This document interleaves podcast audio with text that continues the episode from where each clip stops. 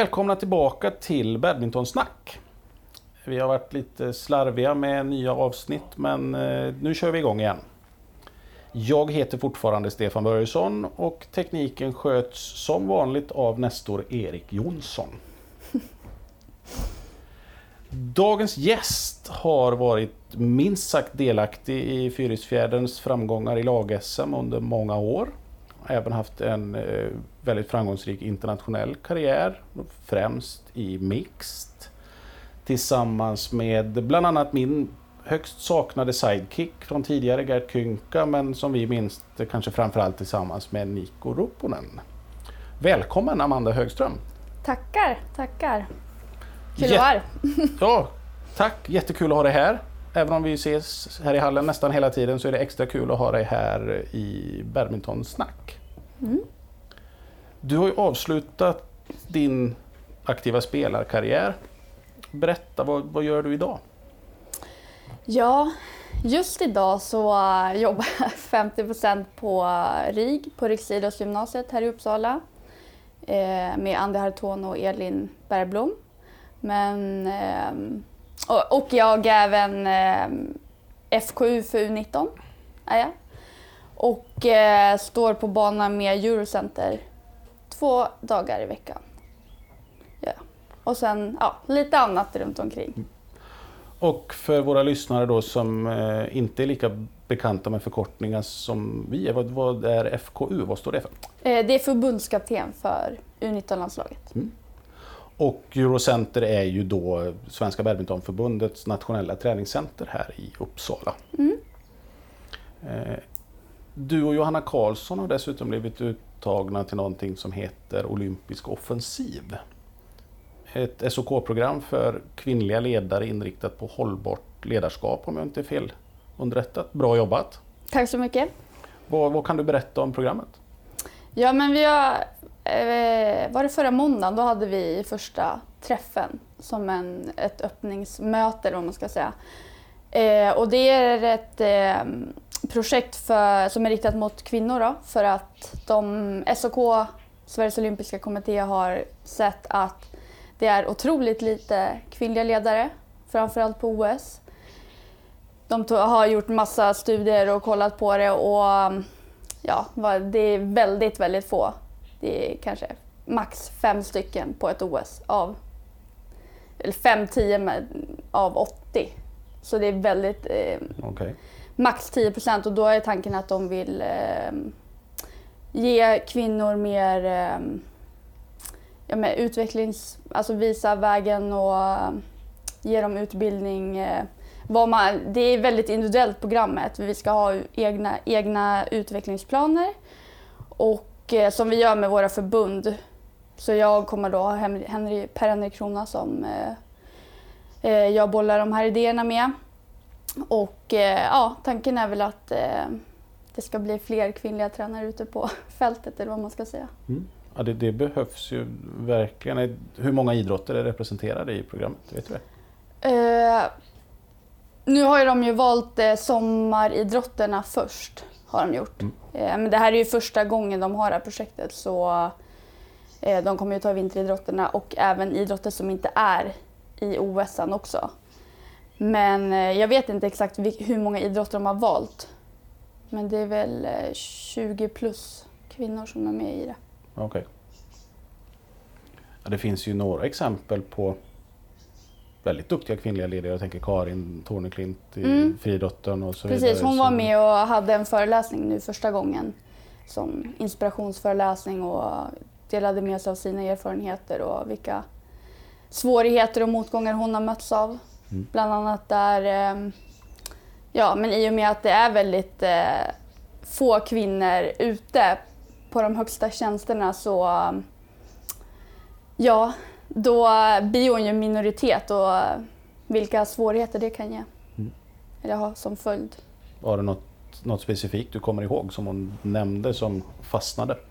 Uh, ja men faktiskt framförallt den här Eh, hon berättade att eh, när hon började som förbundskapten eh, så, så hade hon familj och all media ville hela tiden rikta eh, frågorna till henne som att ja, men varför är du här?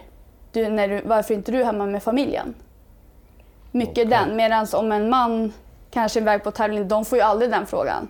Men var, hela tiden fick hon det liksom ältande varje gång hon var ute för att det nästan var någonting negativt att hon inte var hemma med familjen. Det är någonting som satte sig ganska ja, starkt hos mig. Ja, det förstår jag, för det är ju Mm. fullständigt huvudlöst egentligen. Ja. Om man tänker på så. Ja, hon hade, till slut hade hon väldigt bra svar på tal måste jag säga. Hon, eh, eh, till slut så sa hon att eh, nej men jag och mina barn vi har kommit överens om att jag ska betala deras psykologsamtal när det blir problem sen framöver. så ganska, ganska snygg vändning tycker jag. Ja, det det är bra. Ja. Eh, Jag tänkte vi skulle återkomma lite grann till din nuvarande och framtida karriär som ledare, men eh, först backa lite grann. I just dubbel och mixed så är man ju naturligtvis väldigt beroende av att ha en bra partner. Och du har ju varit i en situation där din partner väljer att sluta sin elitkarriär. Vad, vad gör man som spelare när en spelpartner, Sonika, bestämmer sig för att sluta? Ja, alltså det kom ju lite krypande när Nico valde att sluta. Jag visste det kanske ett halvår innan, att han hade de tankarna. Eh, min första var väl med att jag blev ledsen och besviken. Men sen kommer det ju ändå till en, till en del där man behöver ta ett beslut om men vill jag sluta bara för det eller vill jag försöka hitta andra vägar? Så jag kom ju fram till ganska snabbt ändå att jag inte var beredd att ge upp för det. Mm. Och det är jag glad att jag fortsatte. Att jag inte kände att jag var beroende av, även om jag var beroende i det partnerskapet med honom, men att man är ändå en individ också. Mm. För oss okunniga, hur, hur lång tid tar det? Hur svårt är det att spela ihop sig med en ny dubbel eller mixed partner? Oj, vilken svår fråga. Ehm, nej, men man lär väl, alltså egentligen lär man väl sig nya sidor av varandra hela tiden, skulle jag säga. Så man blir liksom aldrig färdiglärd. Men eh, rent spelmässigt på banan, eh, alltså det tar ett tag, skulle Ja, jag ja. säga. Alltså absolut. Det är, det är inget som händer över en natt direkt. Nej. Och um, det finns alltid bitar man kan jobba med i partnerskap. Både liksom på banan och utanför. Det är, um, det är inte alla som är bästa vänner. Liksom jag och Nico gick väldigt bra ihop men um, vissa äter ju inte ens middag med varandra även fast de har ett partnerskap. Så um, det kan se väldigt olika ut. Mm. Det, är, det är ju inte helt ovanligt att det här händer, men Johanna Magnusson ställde sig inför en liknande situation när hennes dubbelpartner Emma Karlsson bestämde sig för att sluta härom, Mm. härom året eller förra året eh, var det väl. Eh, Nu är du ledare. Mm. Vad, vad tror du att du som ledare kan göra för att få dubbel och mixed par och respektera varandra och hålla ihop för att verkligen de som har, du ser att de har stor potential och tänker att det är bra om de här håller ihop. Vad kan man som ledare göra för att hjälpa dem på vägen? Ehm, jag tror att eh, det är viktigt att man accepterar varandras olikheter. För ofta så är det inte att man spelar med en person som är lik en själv. Och eh, det gäller att man lyckas ge utrymme för den andra att få behålla sin personlighet. För om man ska förändra sig själv för mycket så kan man också tappa sig själv tror jag. Tror du, tror du det är en fördel till och med att ett dubbel eller mixbar har olika personligheter? Du har en lugn och sansad och en hetsig. Kan det finnas fördelar med det? Ja, absolut. Det tror jag. Jag tror att eh, om jag skulle bara ta ett exempel som jag och Nico, vi var ju väldigt olika. Jag var mer den här som ville träna hela tiden och gick över gränsen och han var kanske mer den som ville ta det lite lugnare om man säger så. Och eh, i början så var det en, en ganska stor stress för mig var det Okej. innan jag... Eh, men då tycker jag att vi fick hjälp med det från alltså, ledarens sida. Så att eh, man inte bara såg det som en, eh, en negativ bit. Vad, vad tycker du kännetecknar en bra ledare? Jag tycker att eh, de, av de ledare jag själv har haft och det jag uppskattar det är engagemang. Att, de, att man tar sig tid att se alla individer. Och eh, även, man är ju i en ganska pressad miljö och eh, det är hård konkurrens. Men eh,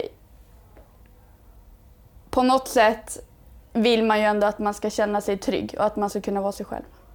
Det tror jag är viktigt. Mm. Har du själv några ledarförebilder, någon du ser upp till inom badminton eller inom något annat område? Um, nu kanske blir en liten paus här, jag måste fundera lite.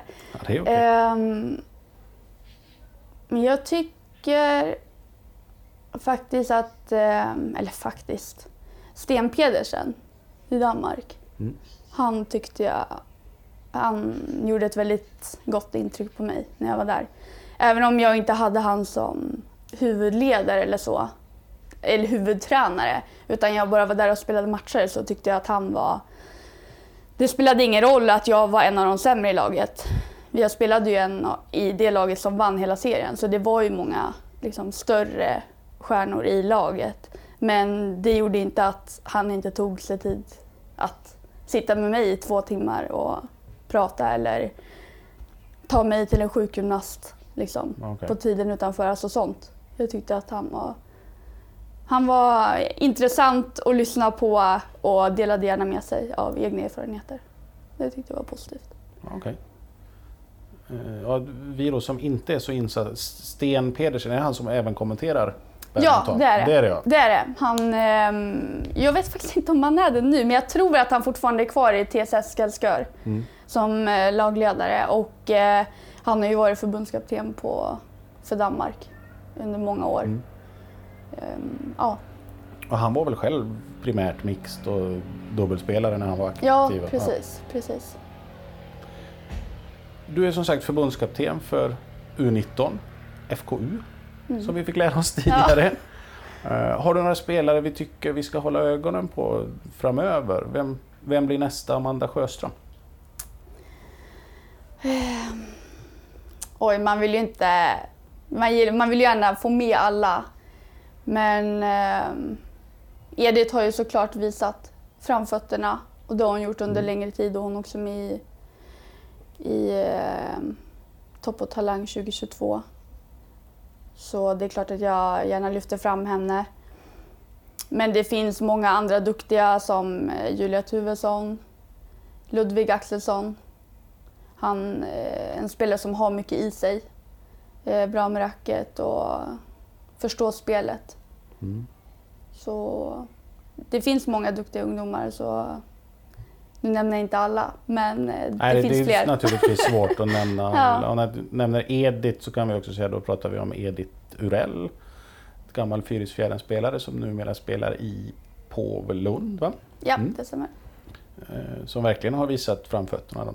Ja, Senaste hon tog ju ett åren. eh, silver här i höstas Mm. på junior-EM. Och tog ju även ett eh, silver i mix med Gustav Björkler. Vilket inte är hennes kategori men eh, hon är väldigt mångsidig och eh, ja, ligger långt fram sin ålder. Och Ludvig Axelsson, han är väl dessutom väldigt ung. Han, han är 17 va? Ja precis, han är väl lika gammal som Edith är han. Är han det? Okej. Ja,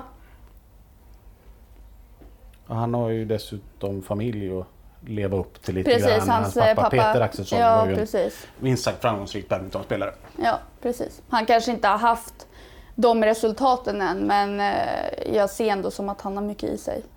Så ja, ser fram emot att jobba med honom. Ja, han spelade ju här i mellanserie, mellanserien för, för Täby, så det var, det var kul att se.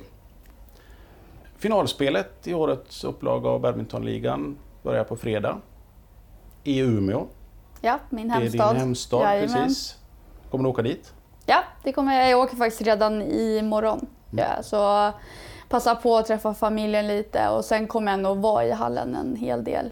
Både att se alla matcherna, ha lite möten med spelare och lite annat. Ja. Du har inget officiellt program eller uppgift när du är där utan du är lite fri? Eh, nej, nej, alltså det är mitt eget initiativ att jag gärna vill åka upp och kolla. Det har ju inte varit så mycket tävlingar eller seriespel.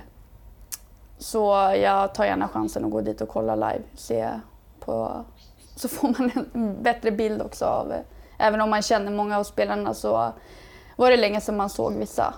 Mm. Sen är det väl något program där som jag skulle vara med i, i uppsnacket inför semifinalerna tror jag det var på lördagen. Okay. Ja, det är bra, då är du här och tränar lite grann. Ja, precis. Det är perfekt. Du började din karriär i IFK Umeå? Ja, badminton. det stämmer. Ja.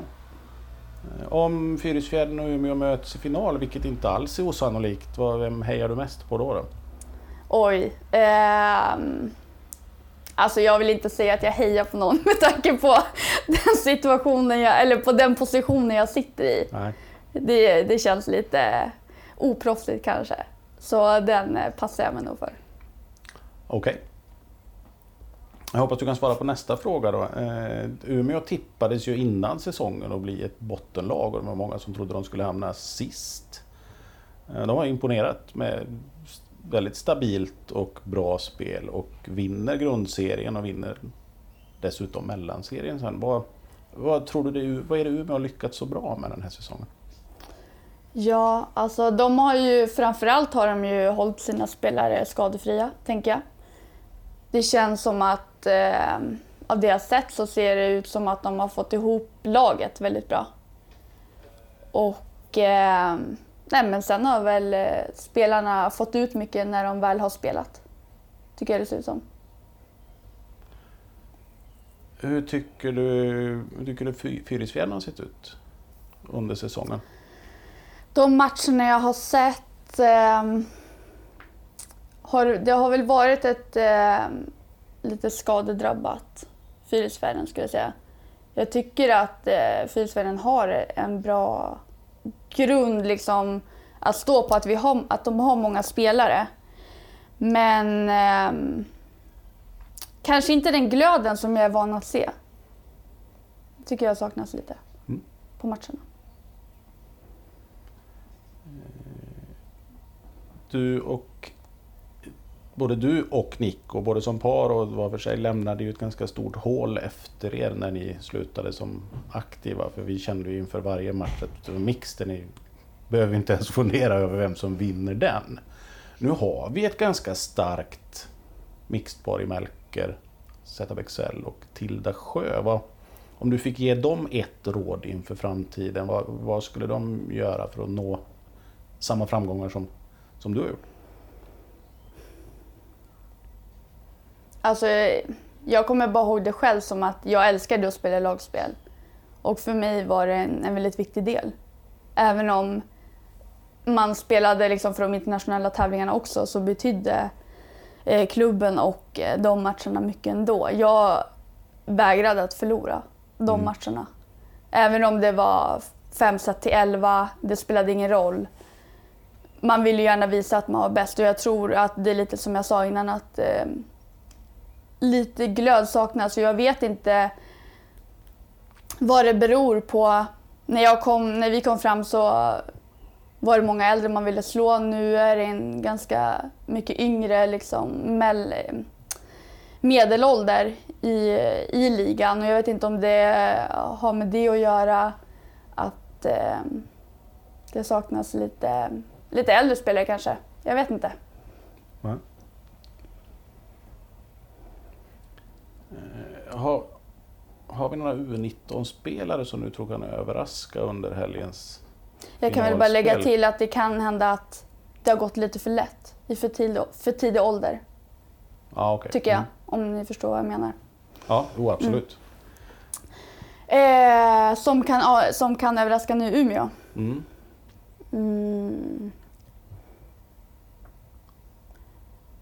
Ja, nu som jag nämnde innan, Edith, hennes lag har ju lämnat walkover nu, mm. på Lund. Så hon, det blir svårt för henne att överraska någonting där.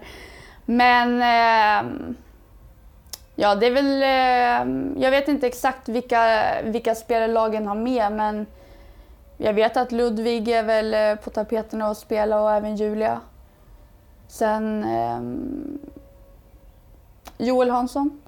Mm. Också yngre spelare, han är inte U19 men eh, han har också goda möjligheter att göra någon fin skalp. Om man läser eh, tidningar och tittar på TV nu så ser vi att Therese Alshammar gör comeback. Hon är 43. Ja. När får vi se dig på tävlingsbanan igen? Du har ju några år på dig. Ja, nej, det är högst eh, osannolikt skulle jag säga. Jag... nej, det tror jag inte Erik. Ehm, nej, men... Eh, sista året var väl inte jättebra för mig.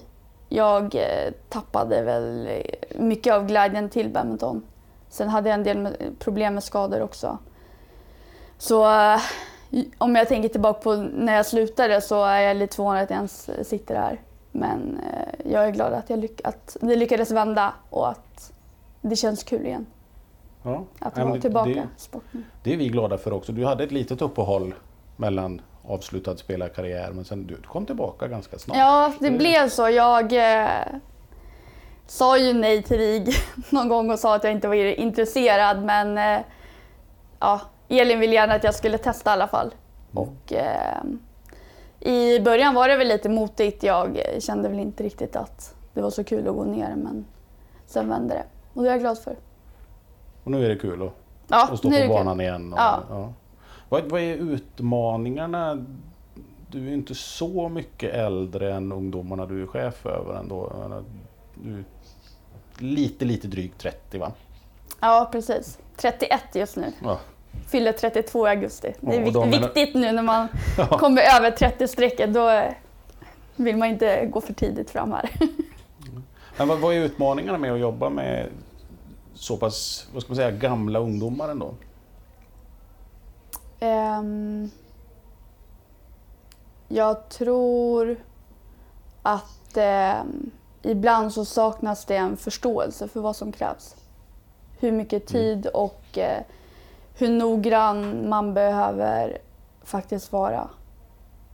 I, eh, inte bara på badmintonpassen utan även allting runt omkring. Eh, till exempel eh, vila, det är kanske inte att gå på, gå på stan i fem timmar med sina kompisar utan det kanske är faktiskt att vila ordentligt för att orka köra nästa badmintonpass och det tror jag att eh, det saknas lite. Varför är det så tror du? Vad kan man göra för att komma till rätta med det? Men eh, jag tror att det är viktigt med eh, förebilder, tror jag. Det märkte jag i alla fall när jag kom fram. Att eh, man såg ju på de äldre vad de gjorde. Och det är väl någonting som är kanske är lite negativt nu, att vi inte har så många äldre kvar. Tror jag. Vi- menar inte att det inte går då, men eh, jag tror att även om, eh, om de äldre inte har liksom absoluta toppklassen så finns det mycket att lära av, av äldre spelare. I Mm. hur man tränar, hur man agerar, hur, man, hur proffsig man är. Men nu är ni ju ett gäng ledare ändå som inte är äldre kanske, men äldre 19-åringar i alla fall. Det är du, det är Elin Bergblom, Henry Hurskainen som är sportchef här i Fyrisfjäll. Nu har Andi på RIG och sådär. Hur... Det måste vara otroligt svårt att förklara för en 17-åring att du kan inte gå på bio med dina kompisar om du vill bli bäst i världen. Du, Ah, Det är klart man kan gå på bio men man kanske inte kan eh, springa på stan varje dag. Nej. Eller gå och lägga sig klockan 12 varje dag. Ehm, sen ska man såklart leva ibland också men vissa grejer får man offra. Och ehm, så är det bara. Om man, om man har höga målsättningar. Mm. Där hör ni ungdomar, vissa grejer får man offra om man vill stå högst på pallen. Eh, Jag tycker det var bra slutord. Mm. Men har du någonting du vill tillägga? Ehm, nej, kul att vara här. Ja. Nej, som Tack sagt, för kul det. att, ha dig, kul att ha dig här och det var då allt för den här gången i Badmintonsnack. Tack Amanda Tack så mycket. och lycka till med allting. Ja, tack så mycket.